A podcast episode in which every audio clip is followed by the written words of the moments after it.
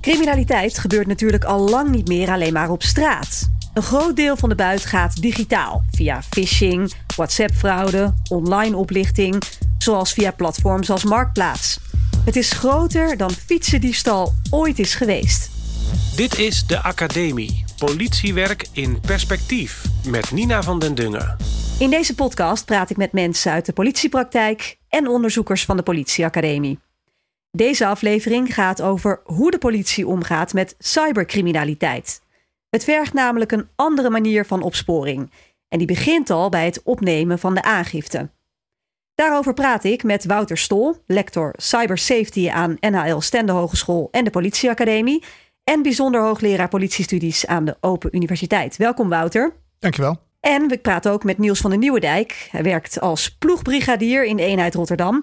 En hij schreef tijdens zijn studie een scriptie over kennis van cyber in het team. Niels, jij ook welkom. Ja, dankjewel. Niels, om met jou te beginnen. Hoe goed of hoe slecht is het gesteld met de kennis van agenten op het gebied van uh, cybercrime? Um, ja, wat, wat, mijn onderzoek uit uh, heeft gewezen, is dat, er, uh, dat het heel erg verschilt. Dus we hebben collega's die zijn er heel goed mee. En dat kan zijn omdat ze een voorgrond hebben vanuit de recherche. Of dat ze een, een opleiding hebben gedaan op dat niveau op ICT-gebied. Maar anderzijds zien we ook dat uh, het gemiddelde niveau ook soms tekort schiet. Dus dat bepaalde collega's niet weten hoe ze een, een, op een juiste manier een aangifte moeten opnemen. Of bij het veiligstellen van uh, bepaalde digitale gegevens. Uh, ja, of bij telefoons, noem dat maar op. Dus ja, het, er, er is nog wel een, een inhaalslag te maken eigenlijk, als ik dat zo mag zeggen. Ja. En Wouter, denk jij er hetzelfde over? Hoe goed of slecht is het gesteld met de kennis? Ja, het is inderdaad um, een inhaalslag is, is broodnodig op dat gebied. en het, probleem is vooral de, in de breedte van de politieorganisatie. We hebben in de politieorganisatie inmiddels natuurlijk een hoop specialisten op landelijk en regionaal gebied. Um, maar dat is toch op het totaal van, uh, nou zeg ruim 60.000 mensen, is, is dat uh, maar een klein aantal. Uh, en de grote klap zit natuurlijk in de volle breedte van de organisatie. En al die duizenden collega's die allemaal ja, werken in een digitale omgeving. Zo is de wereld veranderd. En dus moet je ook je eigen werk uh, ja, zo veranderen. En ook je eigen kennis bijhouden op dat gebied. En, en dat is nogal een opgave. En nou, daar moeten wel stappen worden gezet. Maar Wouter, dan vraag ik me wel af. Hoe kan dit eigenlijk zijn, nou ja, met een groot woord, misgegaan? Want we zien dit al heel erg lang aankomen. Dat de criminaliteit steeds digitaler wordt. Dus dat een politieorganisatie zich daarop moet inrichten. En hoe kan het dan dat daar toch in al die jaren misschien wat te weinig oog voor is geweest? Ja, ik denk dat je ook daarvoor niet één schuldige kan aanwijzen. En zelfs misschien niet één organisatie die daar uh, schuldig aan is. Maar we hebben wel in de volle breedte met z'n allen onvoldoende zitten opletten. Um, en dit is een, een heel langzame ontwikkeling het gaat wel snel, hè, maar, maar toch, het gaat over tientallen jaren. Mm. En dient zich dus niet meteen urgent aan. Kijk, in dat onderzoek, um, het eerste onderzoek naar cybercriminaliteit in Nederland, dat uh, heb ik op verzoek van het ministerie van Justitie gedaan eind jaren negentig. Als ik het nu weer lees, dan denk ik van, ach, wat een schattige toon was dat onderzoek. Hè. Dat was heel uh, van, oh, er is iets nieuws, dan moet je kijken. Een beetje, het had af en toe zelfs de toon van wat grappig allemaal. Um, maar het had niet een urgente toon. Pas in 2011 hebben we het eerste slachtofferonderzoek in Nederland uitgevoerd naar digitale criminaliteit. Zo. Ja, en, en dat, dat is dus he, op de totale geschiedenis. Want in 93 is hacken strafbaar gesteld. Dan zou je dus denken van, oh, dan willen we meteen weten hoe vaak dat voorkomt. Hoe vaak worden mensen slachtoffer. Mm. Dus in 95 hebben we dat in de bevolkingsslachtoffermonitor. Uh, nou, niet dus. Dat, dat heeft nog bijna 20 jaar geduurd. En daar kwam toen al uit dat we zeiden van, wow, dit is, dit is echt uh, booming business, zou je kunnen zeggen. Uh, toen was de slogan uit dat onderzoek was, Nederland is niet langer het, diefst, het, het land van fietsdiefstal, maar Nederland is het land van fietsdiefstal en hekken. En toen stond hekken vlak achter fietsdiefstal. Dus toen hebben we die boodschap uh, luid de wereld ingeslingerd. Maar ja, het was nog steeds uh, een langzame ontwikkeling, niet super urgent. Ja, we hebben met z'n allen de, de, de urgentie de grote gezien. impact niet gezien en dus daarmee ook de urgentie niet onder, onderkend van deze ontwikkeling. Ja, en nu zou je kunnen zeggen, ja, nou zijn we fors te laat. Uh, maar ja, weet je, je bent nooit te laat, denk ik altijd maar om uh, goede ontwikkelingen in gang te zetten. Uh, dus nu moeten we dat um, met extra energie uh, doen, zou je kunnen zeggen. Die extra energie is die energie die we de afgelopen 30 jaar er niet aan besteed hebben. Ja, Maar uh, Niels noemde al een paar dingen, Wouter. Maar wat weten agenten dan bijvoorbeeld niet wat ze zouden moeten weten? Stel, ik kom um, aangifte doen van WhatsApp-fraude op een politiebureau. Ja, dan om te beginnen uh, gaat het dan al om het veiligstellen van uh, bewijsmateriaal. Ehm, hoe kun je dat bewijsmateriaal vinden? wat kan een burger zelf al doen? Welke tips kun je een burger meegeven om voordat hij of zij aangifte komt doen al uh, voldoende bewijsmateriaal te verzamelen. Uh, en dan natuurlijk de goede vragen stellen. Ja, zoals? Want ik krijg een WhatsApp berichtje bijvoorbeeld. Nou, uh, misschien kijk überhaupt al de inhoud van het bericht. Hè, dat je dat veilig stelt en meeneemt. Mm -hmm. dat je misschien nog metadata van het bericht hebt. Hè, dus dat, dat zijn de gegevens over wanneer het bericht verzonden is. Ehm, en misschien nog andere gegevens die je uit het bericht kan achterhalen. Dat zijn vragen die je aan burgers kan stellen al voordat ze naar het bureau komen, zodat ze zo goed mogelijk hun materiaal, hun, hun, ja, hun aangifte kunnen doen. En dan moet je tijdens die aangifte natuurlijk ook nog de goede vragen kunnen stellen. Ja, en Niels, wat voor vragen zijn dat dan? Ja, dat, dat kan bijvoorbeeld zijn op, op welke manier uh, is, uh, heeft de fraudeur met jou geprobeerd in, in contact te treden. En dat, dat kan natuurlijk op heel veel manieren. Dat kan zijn telefonisch, maar dat kan ook zijn via WhatsApp, dat kan zijn via e-mail. Hoe is dat bericht bijvoorbeeld verzonden? Uh, waar komt het vandaan? Welk e-mailadres? Welk telefoonnummer? Uh, wat is de inhoud daarvan? We zien ook vaak dat uh, gestandaardiseerde te teksten gebruikt worden. ja, daaruit kun je ook weer afleiden dat het gaat om een een dezelfde dadergroep. En dat is voor ons dan ook weer belangrijk om te weten van hey, hoe is zo'n bericht nou precies opgebouwd? Wat is de inhoud daarvan? Waar beginnen ze mee? spelen ze in op persoonlijke gegevens? Want dat zien we natuurlijk heel veel dat bij digitale criminaliteit zit ook een stukje, dat noemen ze social engineering in. Dus ze spelen in op van, hey, wie mm -hmm. is het slachtoffer nou? Hoe oud is die nou? Waar komt die vandaan? Uh, wat voor familie zit daar omheen? Ja. Ja, en dat, dat zijn ook gegevens waarop ingespeeld wordt. Ja, ze doen echt research dan naar, naar mij als persoon. Hè. Ze gaan mij helemaal uitpluizen aan de hand van al mijn social media accounts. En proberen dan gericht mij eigenlijk als slachtoffer heel, heel op waarheid gebaseerd te benaderen. Ja, sterker nog, die, die uh, gegevens kunnen ook online uh, gekocht worden. De, het is niet zo dat ze daar specifiek bij elk slachtoffer heel diep op in zullen gaan. Maar gegevens net als telefoonnummers, e-mailadressen, namen, uh, wachtwoorden soms. Ja, daar zijn gewoon lijsten van op het dark web te vinden. en die kun je gewoon aankopen. En die lijsten worden wel gebruikt om uiteindelijk ja, de, de, de, ja, de strafbare feiten zeg maar, te plegen. Ja, Wouter, Niels somt net de hele uh, vragenlijst op die eigenlijk uh, aan mij gesteld moet worden op het moment dat ik aangifte kom doen van bijvoorbeeld WhatsApp-fraude. Het klinkt als een hele logische vragenlijst. En toch zeg jij, zijn er heel veel agenten die dit niet goed doen. Hoe verklaar jij dat dan? Ja, het is denk ik een, um, iets wat je niet bij de individuele agent moet leggen. Want je kunt niet vanuit het niets ineens um, deze nieuwe vorm van criminaliteit goed behandelen. Dus het is meer iets wat je als organisatie aan moet pakken. Dus ik, ik zou ook niet op de toer willen zitten van, oh, die individuele agenten doen het niet goed. Maar we hebben als politieorganisatie um, te laat dit opgepakt. En je zegt het al, hè, je hebt uh, een, een, voor de hand liggende lijst van vragen. Nou, dat klinkt al haast als een standaardlijst. Dus je zou zeggen, er zijn een aantal standaardvragen die je altijd moet stellen. En een aantal preventietips die je altijd aan burgers mee kan geven. Um, die moet iedereen dan dus paraat hebben. Die moet iedereen kunnen vinden. Uh, en dat is heel lastig om te organiseren. Ik heb in het verleden ook wel uh, handleidingen gemaakt een handreiking voor het opnemen van aangifte van cybercrime. Um, en, ja, en waar blijft dat dan? He, die komt dan op intranet terecht, maar op het moment dat iemand uh, de balie binnenstapt of de bureau binnenstapt en mij achter de balie aantreft uh, en zegt ik kom aangifte doen van online stalking uh, en ik heb geen idee dat die handleiding bestaat of ik weet wel dat die bestaat, maar ik kan hem niet vinden, dan schiet het nog niet op. Nee. dus je moet als organisatie zorgen dat deze kennis op het juiste moment op de juiste plek is. Ja. En, en dat is gewoon heel ingewikkeld, want het gaat om een, ja, een, een je zou kunnen zeggen, een totale verandering van de samenleving. En, en niet om um, één geïsoleerd probleempje. Nee. En daar is de politie wel heel goed in. Hè? Als je één geïsoleerd probleem hebt. Oh, we hebben veel last van zakkenrollers in het openbaar vervoer. En wel uh, op uh, lijn uh, 36. dan ga je daar met drie mensen op zitten. En met een week is het probleem daar in ieder geval weg. Ja. Um, maar zo gaat het met cybercrime niet. Het is niet één gelokaliseerd probleem. Het is de totale samenleving die veranderd is. Dus dat, dat red je niet met een gelegenheidsoplossing of met een tijdelijk team. uh, je totale organisatie moet veranderen. En, en dat is gewoon ja, te laat in gang gezet. Uh, en, en nu zien we pas eigenlijk, hè, wat jij in de introductie ook zegt. Dit is veel voorkomende criminaliteit. Um, in het recente slachtofferonderzoek van het CBS uh, zien we weer bevestigd dat niet alleen hacken, maar ook digitale oplichting uh, vaker wordt genoemd als delict waar mensen slachtoffer van zijn geworden dan klassieke criminaliteit, zoals wat je noemde fietsendiefstal. Dat, dat voerde altijd de ranglijst aan, dat is al lang verleden tijd.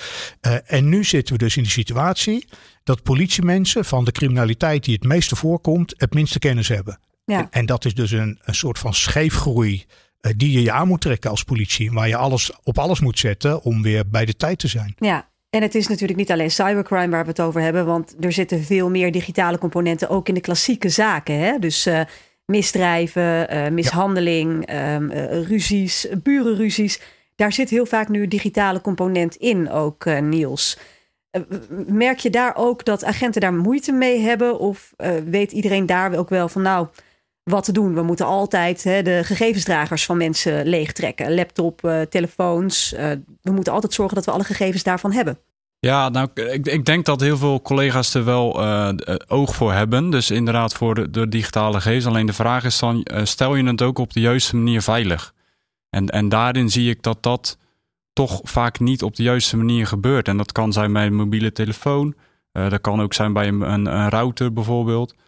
En, en ja, dat, daar missen we bijvoorbeeld kansen. En, een voorbeeld daarvan, een mooi voorbeeld wat ik zelf altijd vind. ik liep mee als officier van dienst komt eigenlijk een melding, is een auto eh, te water gegaan. Daarin worden drugs aangetroffen, vuurwapens en ook mobiele telefoons. Nou, die hebben dus onder water gelegen en dat moet je dan echt op een bepaalde manier moet je dat gaan veiligstellen.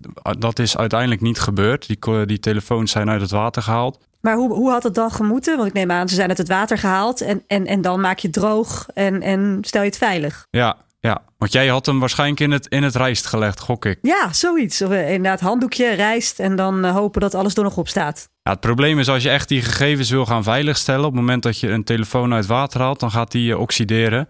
Dus dan heb je gewoon kans dat bepaalde digitale gegevens verloren raken. Ja. Dus eigenlijk wat de bedoeling is, je hebt een, een, een emmer met water... die schep je er volledig uit en de telefoons laat je daarin zitten. Of een zak met water, dat maakt niet uit. En daarna kunnen ze dan bijvoorbeeld richting het NFI gaan... en die kunnen dan nog verder onderzoek gaan doen aan de telefoon. Ja, Maar in ieder geval in het water houden. In dat water moet hij blijven. Ja, dat, dat had ik inderdaad niet geweten. Ja. En dat is dus iets wat veel agenten ook niet weten, zeg je. Kijk, je ziet binnen uh, de basisteams zijn er vaak wel een, een aantal mensen. Nou, ik ben daar de, natuurlijk een van die aandacht hebben voor dit punt. Maar het, is niet, uh, het wordt niet zeg maar basisteam breed gedragen. We, hebben wel, we zijn wel heel goed bijvoorbeeld op ondermijning. Daar hebben we heel veel aandacht voor, voor drugscriminaliteit. Maar het is nog lastig om, om online gegevens te vergaren en om meer aan de, aan de voorkant te gaan zitten in plaats van aan de achterkant. En dan kan je denken aan preventie uh, binnen uh, bepaalde gebieden waar we gewoon veel zien. Hey, er worden heel veel mensen opgelicht, bijvoorbeeld met die uh, verdiend en noodfraudes of bankhelpdeskfraudes. In Brabant zien we heel veel mooie ontwikkelingen, in Oost-Nederland ook. maar om nou te zeggen van hey, we zijn echt landelijk structureel hiermee aan de gang. Ja, dat, dat, daar is nog niet echt sprake van. Nee. Um, en dat, dat is gewoon soms nog een worsteling, inderdaad. Ja. Wouter, jij bent natuurlijk lector cybersafety. Jij doet hier ook onderzoek naar. Mm. Op welke manier doe jij onderzoek en wat, wat zie jij daar dan in? Recent hebben we uh, met onze groep een onderzoek gedaan naar uh, de, de kennis onder, onder politiemensen. De digitale kennis. Mm. Uitgangspunt was toen uh, een soort van ja, norm uh, mijn collega Jurjen Jansen heeft, heeft samen met enkele collega's en met mij dat onderzoek gedaan.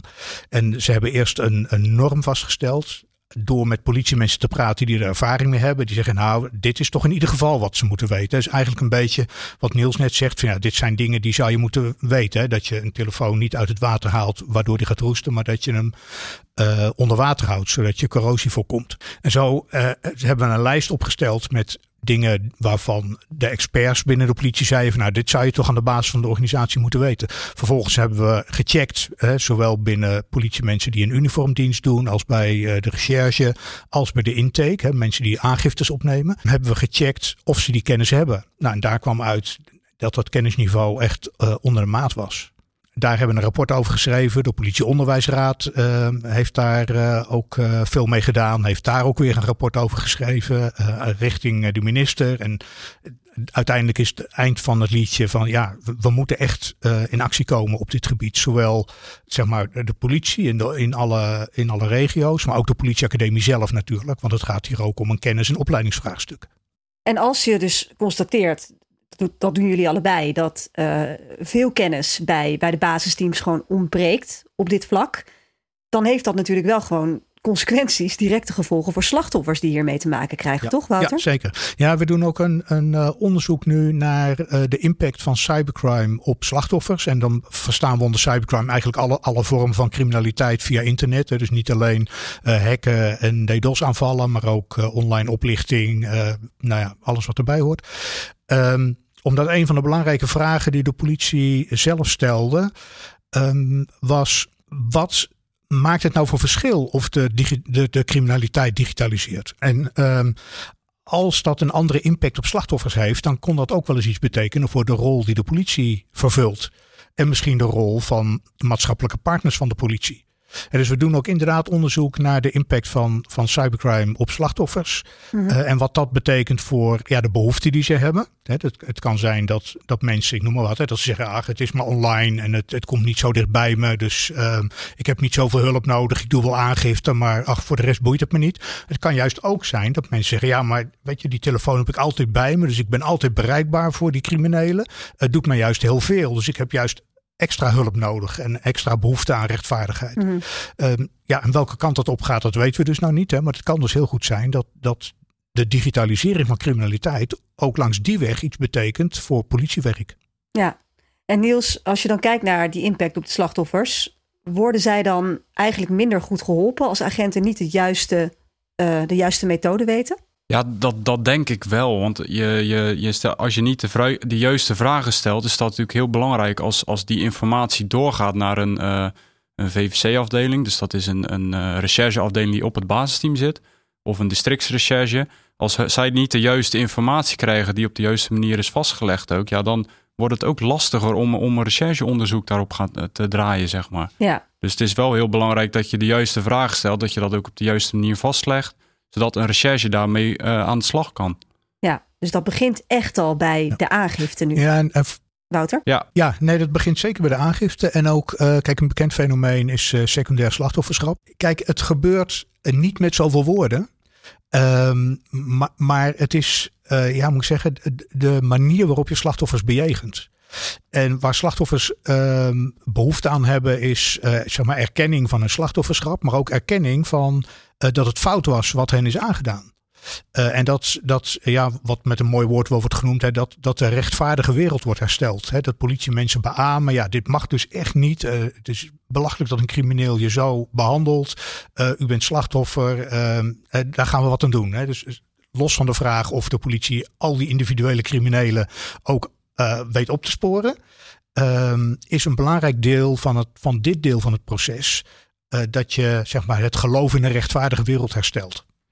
Um, en op het moment uh, dat je vragen stelt die iemand kan opvatten als van, ja ja, eigenlijk heb ik zelf aanleiding gegeven of eigenlijk was ik zelf zo dom om dit te doen of ik heb niet de goede maatregelen genomen om het te voorkomen, dan zadel je iemand ook nog ja, met een soort van schuldgevoel op. Ja, eigenlijk was het mijn eigen schuld, wat ben ik stom.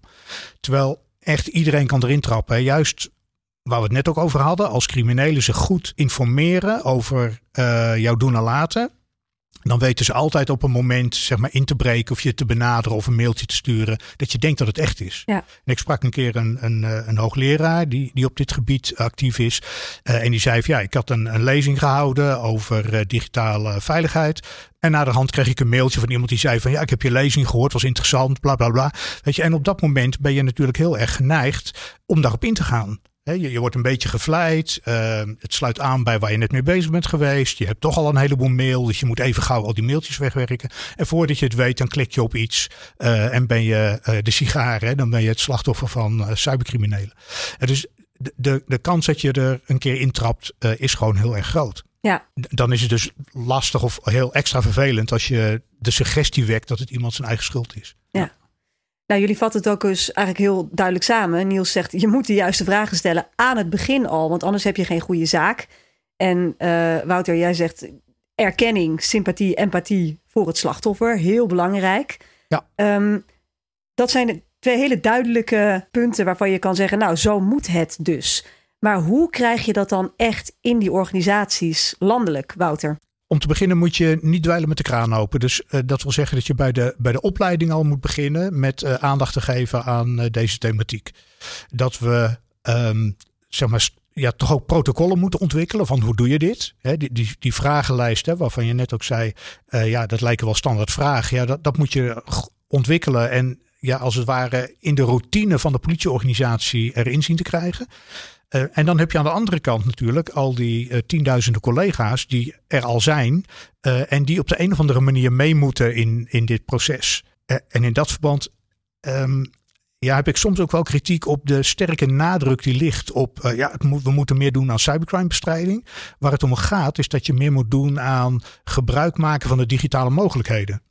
En dus het gaat er niet alleen om dat je uh, twee, uh, als basisteam uh, moet je één of twee hekzaken in een jaar oplossen.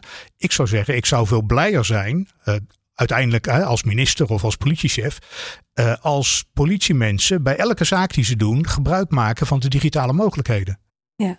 Een voorbeeldje, stel je voor, ik vraag aan een collega politieman van, nou, ga een hekkenzaak doen. En die is druk met een overval. Nou, dan staat zijn hoofd helemaal niet naar om een hekkenzaak op te lossen. Maar als ik nou zeg, ik kan jou helpen met het oplossen van die overval met digitaal bewijsmateriaal. Namelijk, misschien zijn er wel uh, camerabeelden. Of misschien is er ergens een telefoon die we leeg kunnen trekken. Of, dan wordt het ineens interessant. Hè? Want dan wordt mijn probleem, namelijk die overval, mm-hmm. wordt opgelost.